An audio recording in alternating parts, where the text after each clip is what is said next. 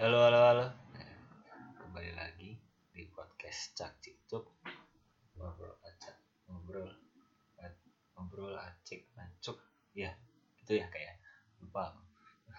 Kali ini gue sendirian, nggak ada siapa-siapa.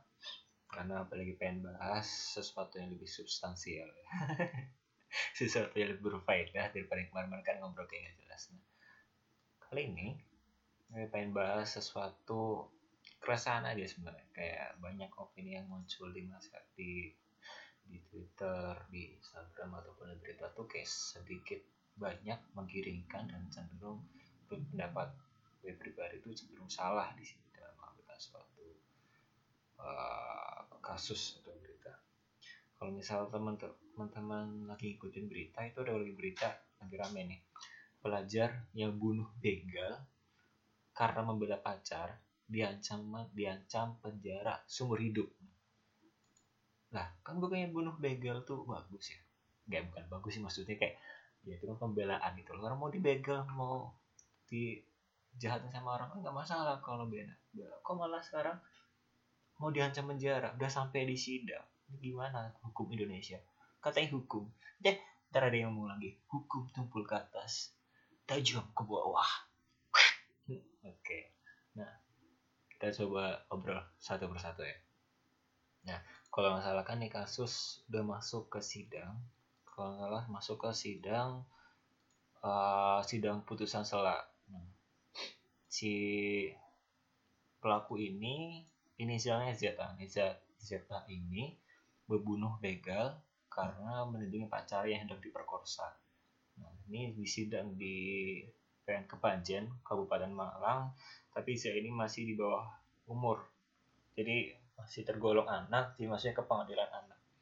Pun si D, A ini kena dakwaan subsidiar teman-teman. Ini dakwaan subsidiar itu apa dakwaan primer pasal 340 pembunuhan berencana dan pasal lanjut subsidiarnya pasal 338 namanya pembunuhan biasa. Terus di bawahnya lagi pakai pasal penganiayaan yang mengakibatkan luka berat atau kematian seseorang itu pasal 351 ayat 3 KUHP.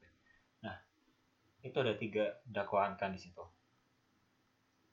Nah, ini banyak bikin komentar-komentar di masyarakat. Nah, kok bisa sih orang pembelaan segala macam bisa sampai diancam penjara kayak gitu. Nah, ini teman-teman, gak segampang itu untuk berkomentar dalam satu kasus hukum apalagi udah masuk ke kasus sidang masuk ke pengadilan ya itu nggak segampang itu untuk berkomentar berlaku ya untuk berkomentar. Perlu jernih juga di sini. Nah, kan di tahap proses pemeriksaan satu kasus ada tahapnya penyelidikan penyidikan dan penuntutan. Nah di tahap penyidikan dan penuntutan ini aja itu tidak dihenti tidak dilakukan penghentian penyidikan atau penuntutan oleh si penyidik dan juga si penuntut Nah, di penyidikan sendiri, nah kalau misalnya teman-teman baca ya, di KUHAP, salah satu alasan penyidikan kan, nah, saya tak nyontek saya, lalu rapal tuh, sorry. Nah, salah satu hal yang bisa menghentikan penyidikan itu kalau misal alat buktinya tidak cukup itu satu. Terus peristiwa tersebut bukan tindak pidana terus penyidikan itu diberhentikan demi demi hukum. Nah demi hukum ini bisa dimasukkan kayak misalkan habis insiden daluarsa terus uh, tersangkanya ini meninggal dunia.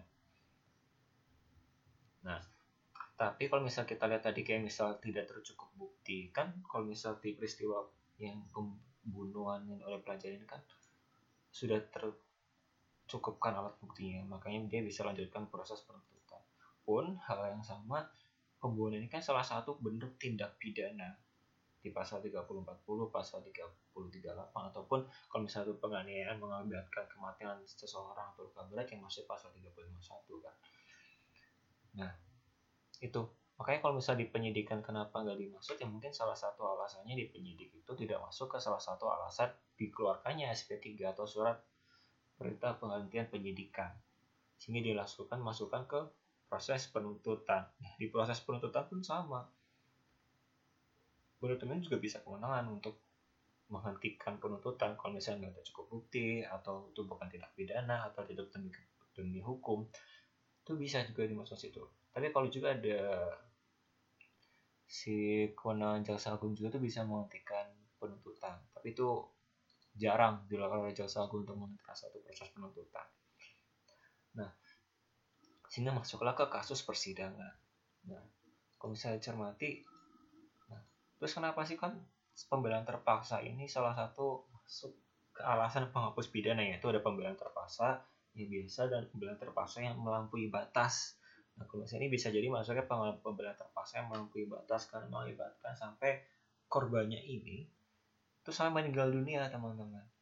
Nah, kadang tuh kalau misalnya untuk membuktikan sesuatu itu ada alasan penghapus pidana atau tidak, itu harus masuk ke pengadilan itu biar nanti hakim aja hakim di situ yang menilai apakah ini memang termasuk tergolong uh, alasan penghapus pidana atau tidak. Jadi buat orang-orang tuh jangan sampai salah kaprah gitu loh. Ini baru masuk ke sidang pertama, sidang perdana, baris dakwaan, keberatan, terus baru masuk ke putusan salah, terus tiba-tiba udah dicap bahwa, loh gimana orang pembelaan terpaksa kok di penjara, hukum Indonesia kok aneh-aneh segala macam. Tenang dulu, ini tuh belum sampai putusan akhir. Dan ini juga belum inkrah juga putusannya. Masih panjang tahapannya harus dilalui si pelajar ini. Pun juga si pelajar ini kan dia sebagai statusnya sebagai uh, statusnya masih anak ya. Dan kalau nggak salah juga di kasusnya dia tuh dia tidak dikenakan penahanan dari penyidikan penuntutan sampai persidangan. Nah bagaimana pembuktiannya? Itu dikembalikan lagi nanti diserahkan ke siapa? Penasihat hukum sama terdakwa si terdakwa terdakwanya itu. Untuk membuktikan apakah dia mempunyai alasan yang cukup bahwa dia melakukan pembunuhan terbegal itu karena pembelaan terpaksa. Nah, kalau misal si jaksa ini menuntut dengan 43 pasal berlapis, pasal 340, pasal 338, terus dilapis lagi pakai pasal 351 ayat 3, ya karena memang itu kerjaannya dia gitu loh. Ya, untuk umum kan kerjaannya juga kalau misal ada orang yang seorang tersangka dapat berkas baca uh, berkas penyidikannya segala macam oh pasal apa yang pas nih dia untuk menjaring semua perbuatan itu ya kadang ada jaksa juga yang pakai pasal berlapis biar kena oh kalau misalnya kena pembunuhan berencana mungkin dia biasa kena pakai pembunuhan biasa oh kalau misalnya pembunuhan biasa kena mungkin dia kena penganiayaan. Kan bisa aja gitu. Ya itu kerjaan yang masih penuntut umum emang. Tapi kerjaannya sih nah tapi untuk apakah si terdakwa ini bersalah atau kan harus menunggu keputusan akhir.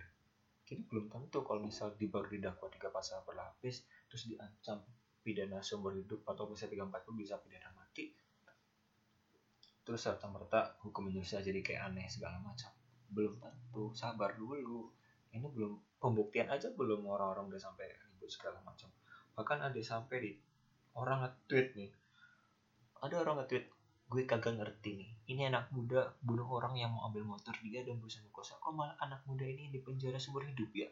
Gue nggak ngerti jadi kalau ada yang begal dan mau masa siapa yang nolong? Nah, ya Allah sabar bro sabar. Orang itu belum kelar. Orang belum sampai salah kaprah.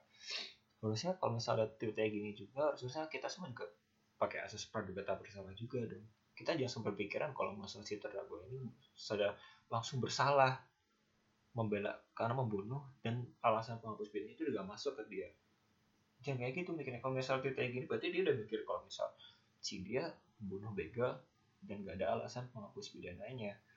Ya karena dia pakai asasnya praduga bersalah dong kalau misalnya kayak gini kalau misalnya misalnya kayak gitu jadi saya praduga bersalah. Berarti kita masih berpikir bahwa si pelajar itu tuh gak bersalah atas tindakan pembunuhan tersebut. Sampai ada putusan akhir yang berkekuatan hukum tetap pengetahuan itu bersalah. Tapi kalau misalnya ada kayak gini harusnya alasan penghapus pidana bisa kena sih ke si terdakwa ZA ini harusnya ya. Tapi nggak tahu juga tergantung pembuktian itu nanti kayak gimana.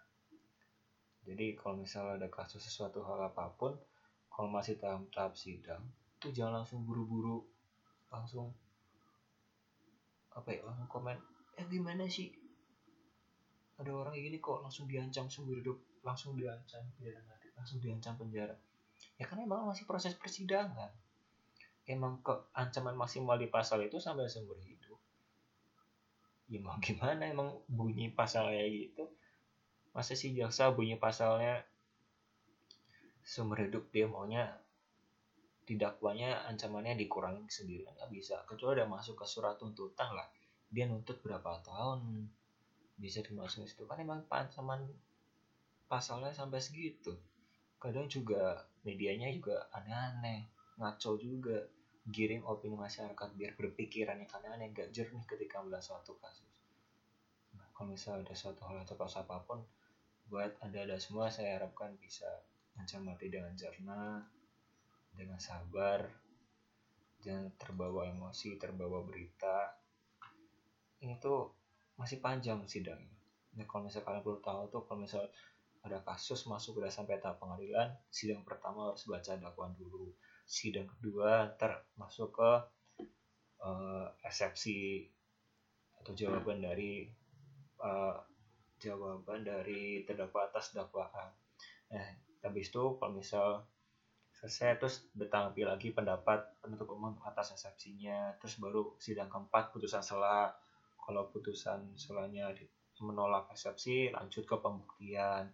Pembuktian PU, pembuktian PH, ada lima sekarang ada lima alat bukti tapi ada empat yang bisa dipakai ada kayak saksi, ahli, surat, keterangan terdakwa, petunjuk terus juga habis pembuktian PU, PH dan terdakwa masuk ke tuntutan dari PU, terus pembelaan dari terdakwa, habis pembelaan replik dari PU, terus duplik dari PH, baru masuk ke putusan akhir. Pun kalau misalnya sudah selesai putusan akhir hasilnya itu masih tidak memuaskan antara PU dan PH, ada upaya hukum banding, ada upaya hukum kasasi. Itu untuk membuat kekuatan hukum tetap tuh agak lama di situ. Ya, jadi kayak sabar dulu. Memang harusnya tuh media Indonesia kayak media Inggris aja. Diberitakan secara masif itu kalau misal udah punya pakai putusan kekuatan hukum tetap.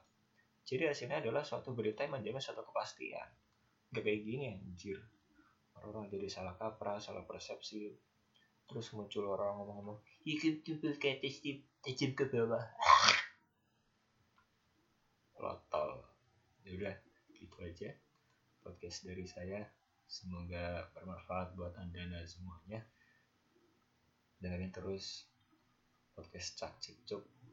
Jangan lupa follow instagram aing Dimas Purnas dan twitter Samlehoy eh kalau misalnya bermanfaat bisa banget share ke teman-teman kalian. Oke okay, thank you me.